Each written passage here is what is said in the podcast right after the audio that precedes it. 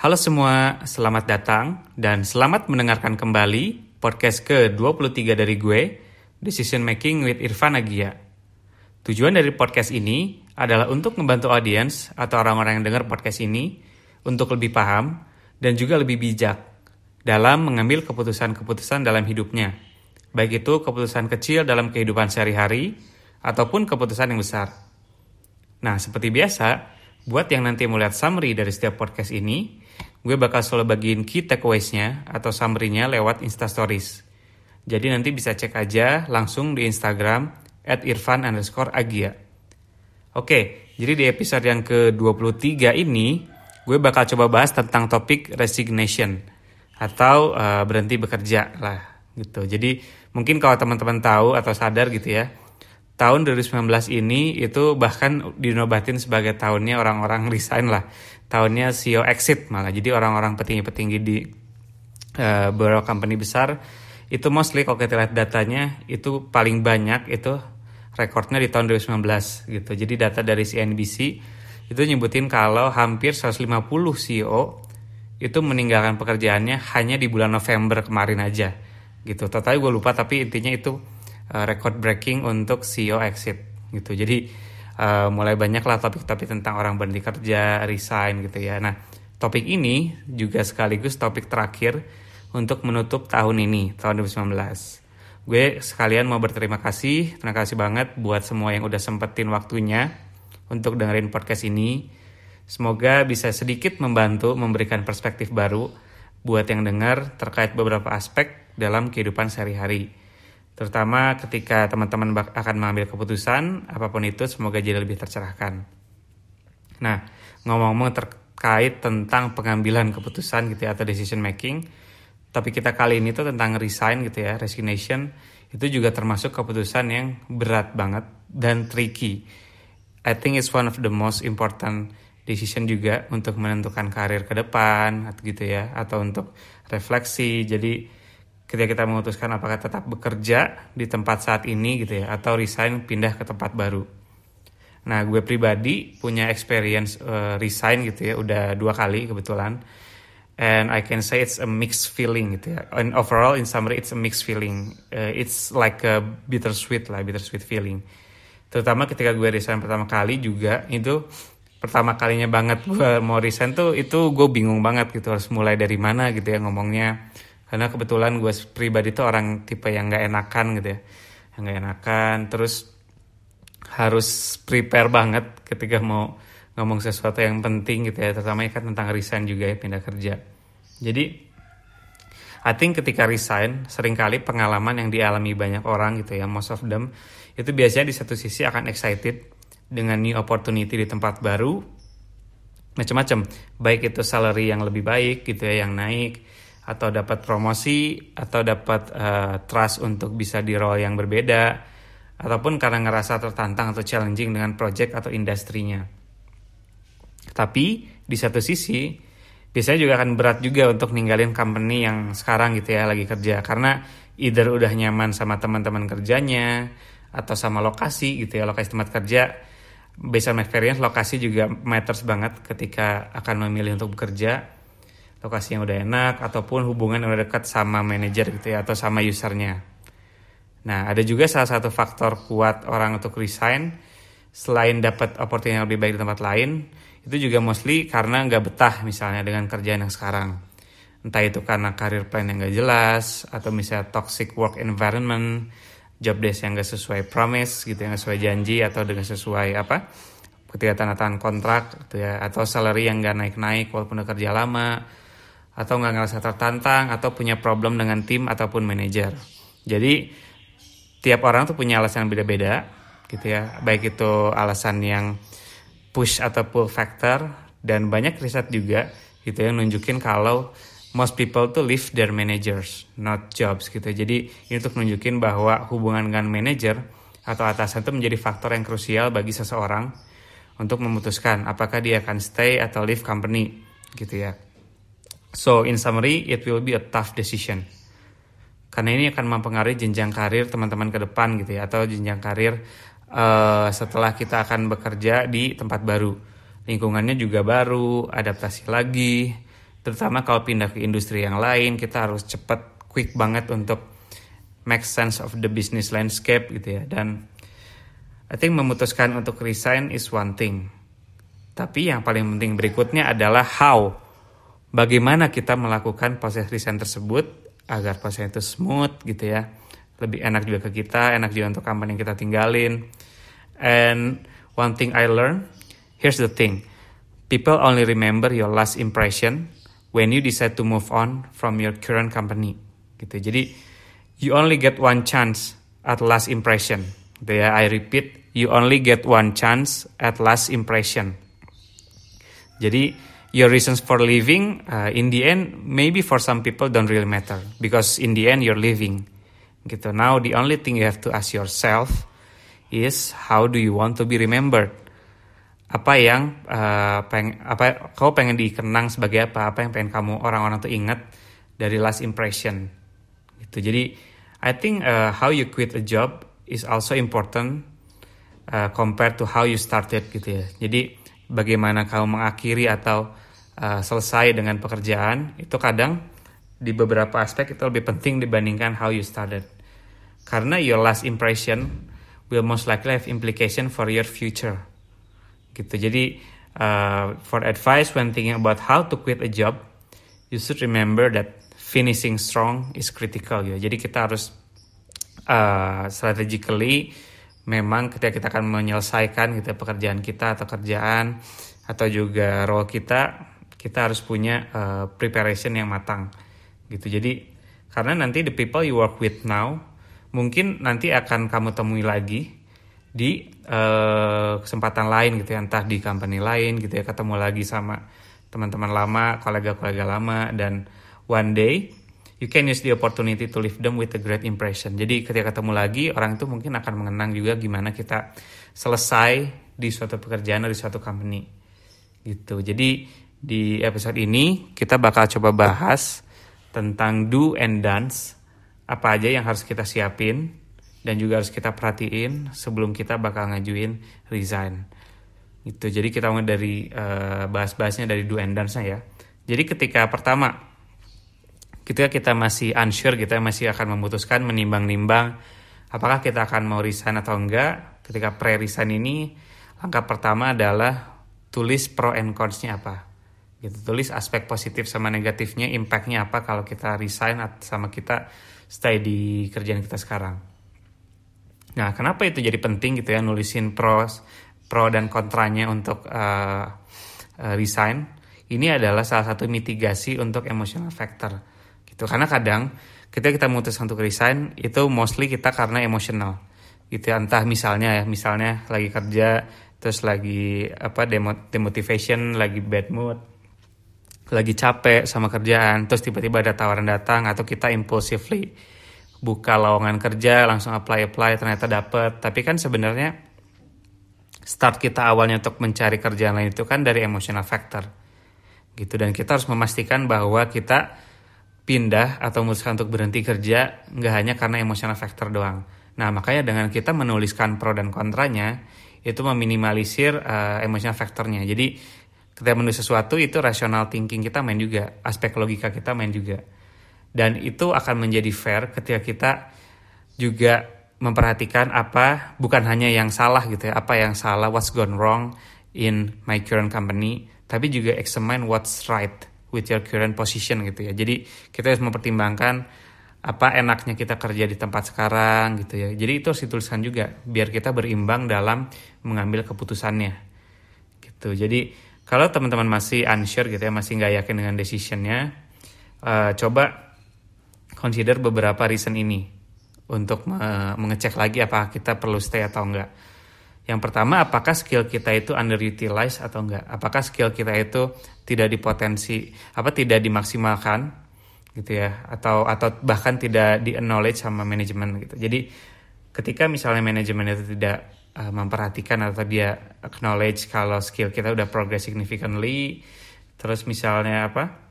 Kita udah kerja lama gitu ya terus uh, kita mengaplikasikan skill kita dan ternyata belum dapat chance yang bagus itu bisa consider kita juga gitu ya. Jadi apakah kita masih perlu stay di company atau enggak? Terus yang kedua you're not learning anything new. Kalau kita udah ngerasa aduh kayaknya gue udah stuck deh. Misal gue udah lima tahun atau enam tahun di industri ini ya udah ketebak lah polanya misalnya kayak ya industri FMCG seperti ini industri consulting seperti ini industri properti seperti ini.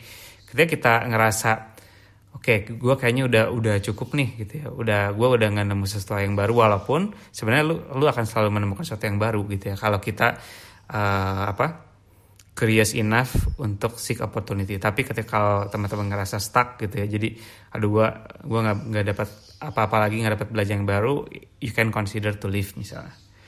Terus yang ketiga tentang salary of course gitu ya. Jadi ketika kita ngerasa tidak fairly compensated gitu ya. Jadi kita juga perlu tahu uh, berapa sih rata-rata misalnya salary di current position kita sekarang kalau di tempat-tempat lain gitu ya Nah, itu juga bisa dipembanding kalau di tempat lain dengan skill yang sama gitu ya, atau dengan skill serupa, position yang serupa, kita dikompensasi seperti ini dengan workload. Nah, workload juga penting ya untuk dicek karena uh, workload juga akan mempengaruhi bagaimana kita dikompensasi gitu ya, atau diberikan salary. Gitu. Jadi faktor uh, salary juga harus kita consider. Terus yang keempat gitu ya, terus uh, your job or boss is making you emotionally atau physically uh, ill gitu ya. Jadi kalau kita punya problem dengan manager kita atau direct uh, report atau user itu juga kita harus consider. Karena it doesn't just affect your time at work, it can impact your personal life too gitu. Jadi kita harus consider juga hubungan kita sama manager gimana gitu.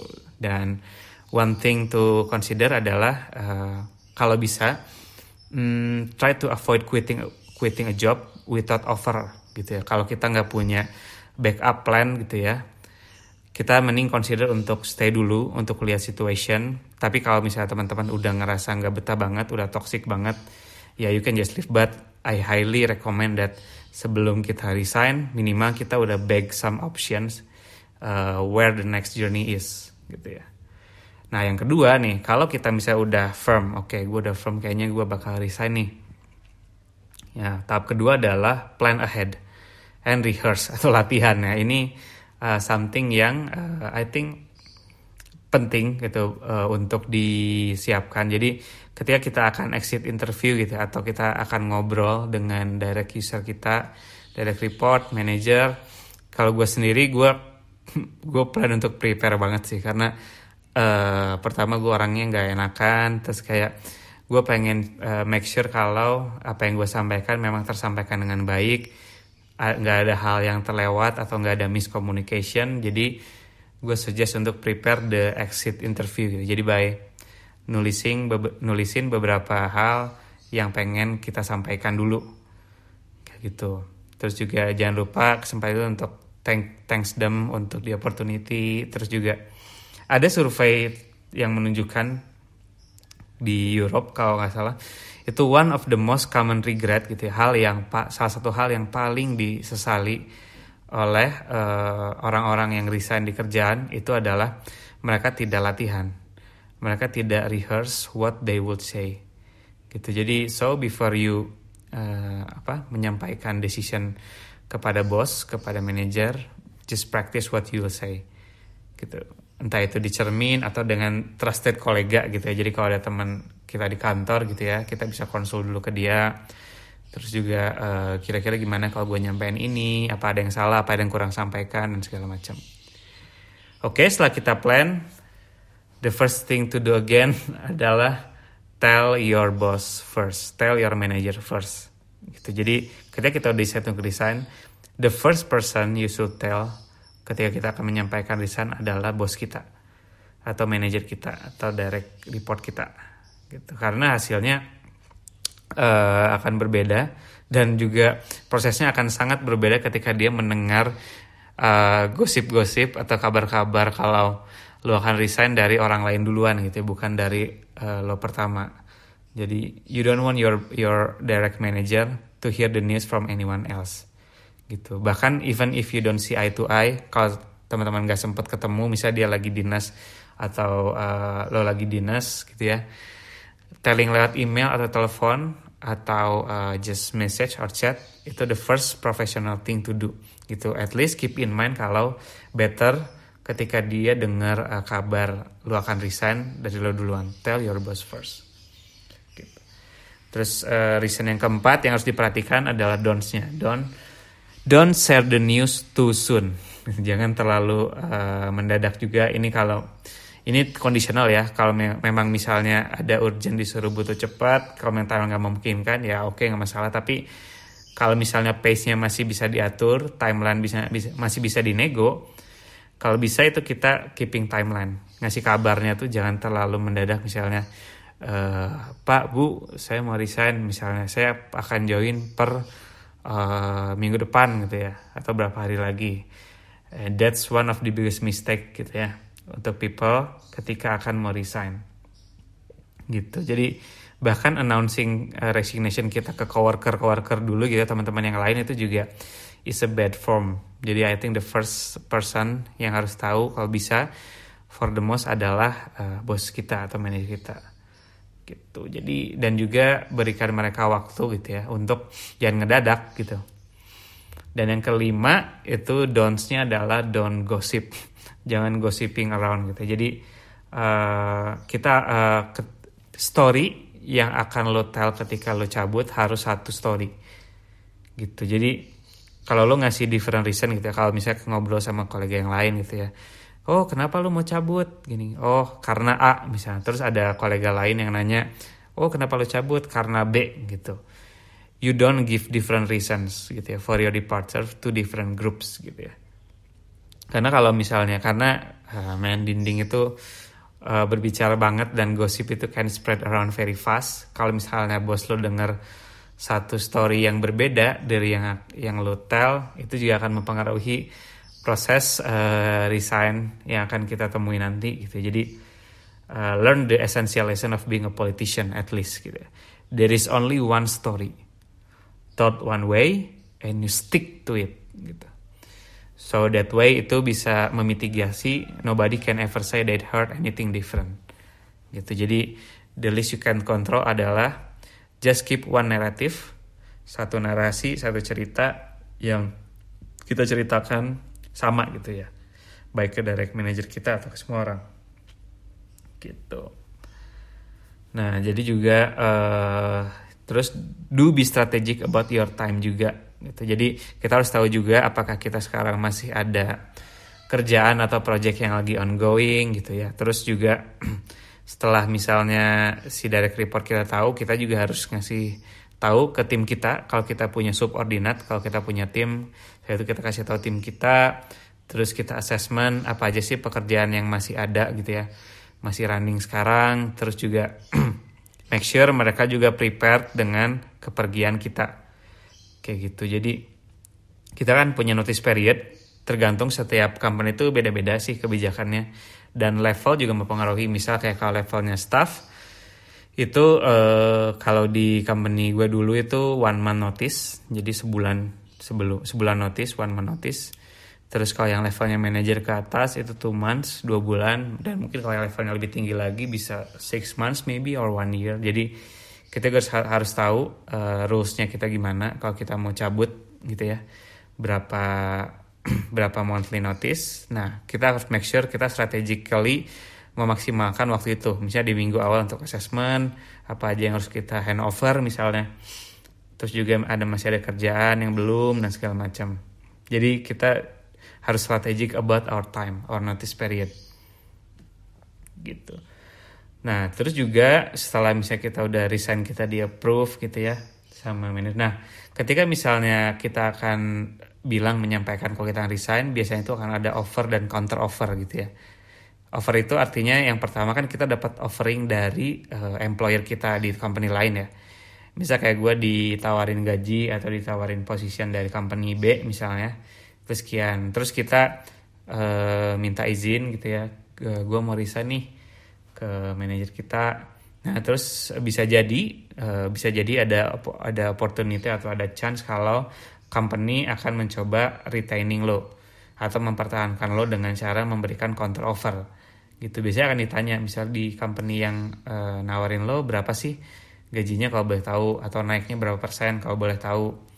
Terus posisinya apa? Nah biasanya uh, akan ada counter offer gitu ya if they have any chance atau dia memvalue lo untuk tetap stay.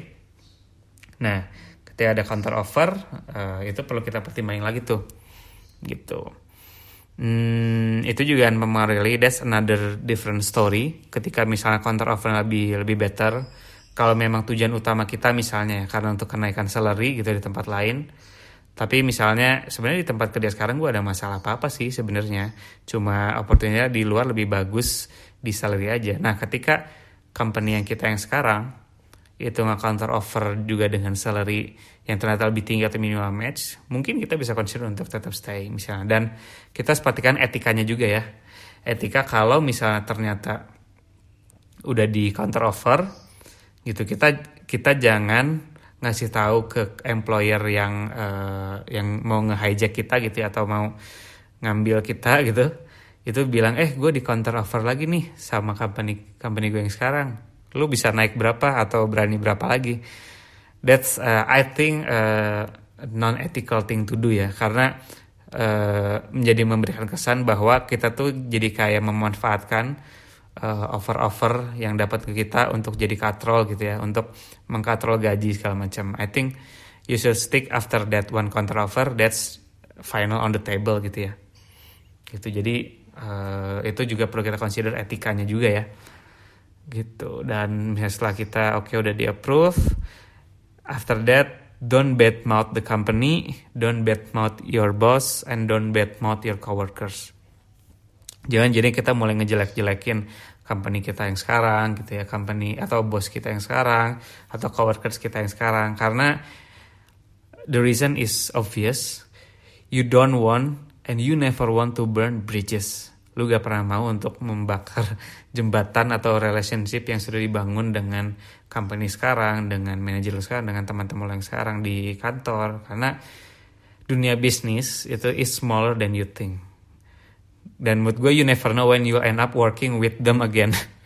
Kayak gitu. Jadi uh, uh, remain a team player juga gitu. Jadi walaupun kita udah announce departure kita gitu ya orang-orang udah tahu kalau kita akan resign kita harus tetap menjadi team player selama masa periode kita masih di ini ya masih di company itu. Jadi offering help with any transition complete the last project dengan uh, apa dignity dengan diligence gitu ya. Dan always keep your boss in the loop. Terus lo juga punya chance untuk thank your mentors gitu atau orang yang ngebantu lo selama lo kerja di sana gitu. Dan always keep an eye toward keeping your network strong gitu. Harus tetap menjalani hubungan dengan uh, teman-teman atau kolega lo yang di company terutama manager lo karena in the end you'll never know whether you meet up with them one day again. Kayak gitu. Terus uh, setelah misalnya akhirnya menjelang waktu-waktu resign your last day uh, do say goodbye. Do say goodbye to all the people.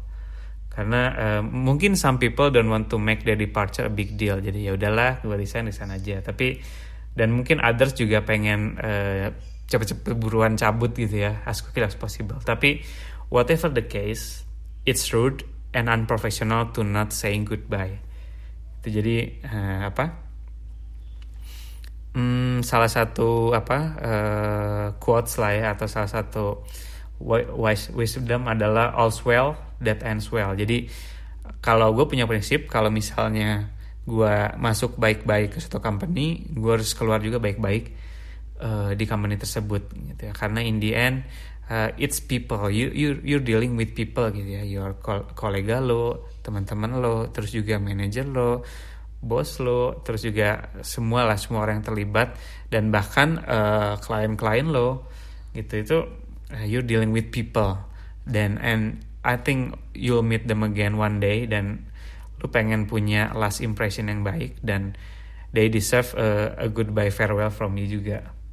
Kayak gitu. Jadi uh, biar kita juga smooth in the end dan no hard feelings to everyone gitu. Terus eh, tadi juga sempat disinggung dengan klien kalau teman-teman punya chance atau ya atau lo punya chance untuk uh, give email kepada rekan-rekan yang sempat kerja gitu ya klien-klien just email them kayak thank you uh, for the past misalnya year atau past week past month atau this past project gue learn a lot dan happy to serve or help you again at the next time. Keep in touch. Jadi kasih tahu kalau kita udah nggak di company. Itu lagi gitu ya kabarin. Karena in the end you always want to keep your network strong. Gitu. Terus juga uh, at the last day cek benefit-benefit yang uh, yang apa hak kita gitu ya.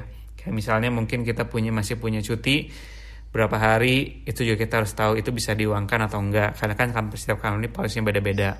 Kalau nggak bisa diuangkan ya kita manfaatkan cuti tersebut untuk istirahat untuk prepare untuk next journey gitu ya. Terus juga ada sick days atau leave atau asuransi uh, whatever itu harus dicek juga uh, legitimasinya terus juga rulesnya gimana gitu. Terus juga kita harus tahu juga kita akan dibayar itu kapan tanggalnya last paycheck gitu. Apakah akan sama di bulan kita biasa dapat uh, gaji atau kalau yang resign akan berbeda. Jadi make sure semua hal-hal itu paperwork harus clear itu setelah uh, sebelum cabut dan juga etikanya misalnya setelah kita cabut atau menjelang kita mencabut don't brag about your new uh, journey gitu jangan jangan juga jadi bragging wah nanti nextnya gue bakal gini gini gini gini. Terus nanti wah ke depannya ini gue bakal dapat yang gak gue dapetin di sini bla bla bla bla. Jadi itu akan sangat mempengaruhi relationship relationship atau hubungan lo dengan kolega dengan teman-teman dengan bos gitu ya. Karena it can be seen as tacky gitu atau nggak nggak apa juga snob gitu you don't want to do that gitu. Dan uh, offer juga help with, with the transition. Bisa ketika lo cabut I think it's better juga untuk lo offer tim HR atau tim talent acquisition atau manager lo untuk mencari kandidat pengganti posisi lo sekarang gitu. Terus keep in touch juga dengan subordinat lo gitu dengan tim yang lo tinggalkan kayak gitu. Dan always plan for the unexpected juga gitu ini apalagi case-nya case khusus misalnya kalau lo cabutnya ke kompetitor gitu ya. Misalnya ternyata uh, lo di approach oleh kompetitor dan uh, I think you have to plan for the unexpected. Bisa tiba-tiba uh, or yang kompetitor itu pengen lo cepet cabut immediately. Atau bahkan si uh, company yang sekarang misalnya pengen lo ya udah nggak usah one month notice gitu atau two months notice eh ya beberapa weeks notice. Lo minggu depan juga bisa cabut kayak gitu. Itu juga bisa terjadi gitu ya. Jadi kita harus siap juga plan terhadap hal yang unexpected kayak gitu. Dan uh, always clear our uh, locker room kalau punya apa pun paperwork gitu ya. Just just prepare all of it. Kayak gitu. Dan uh, I think uh, resign gitu ya, atau berhenti kerja is one of the tough toughest decision making to do. Dan dan gue yakin ke teman-teman yang pernah mengalami dan mungkin akan well you got this. Uh, persiapkan dengan baik. Juga persiapin farewell letternya juga gitu. Jadi mungkin bisa lo buat titlenya misalnya graduation letter misalnya lo lulusan lah lo lulus dari company lo yang sekarang. Itu juga bisa membuat your departure itu lebih smooth dan juga lebih apa no hard feelings lah. Lebih lebih lebih enak nggak bukan kesannya gue leave the company gitu ya I left segala macam jadi you can do that makes makes it like a graduation day vibe gitu. Jadi uh, well I think that's all tentang resignation.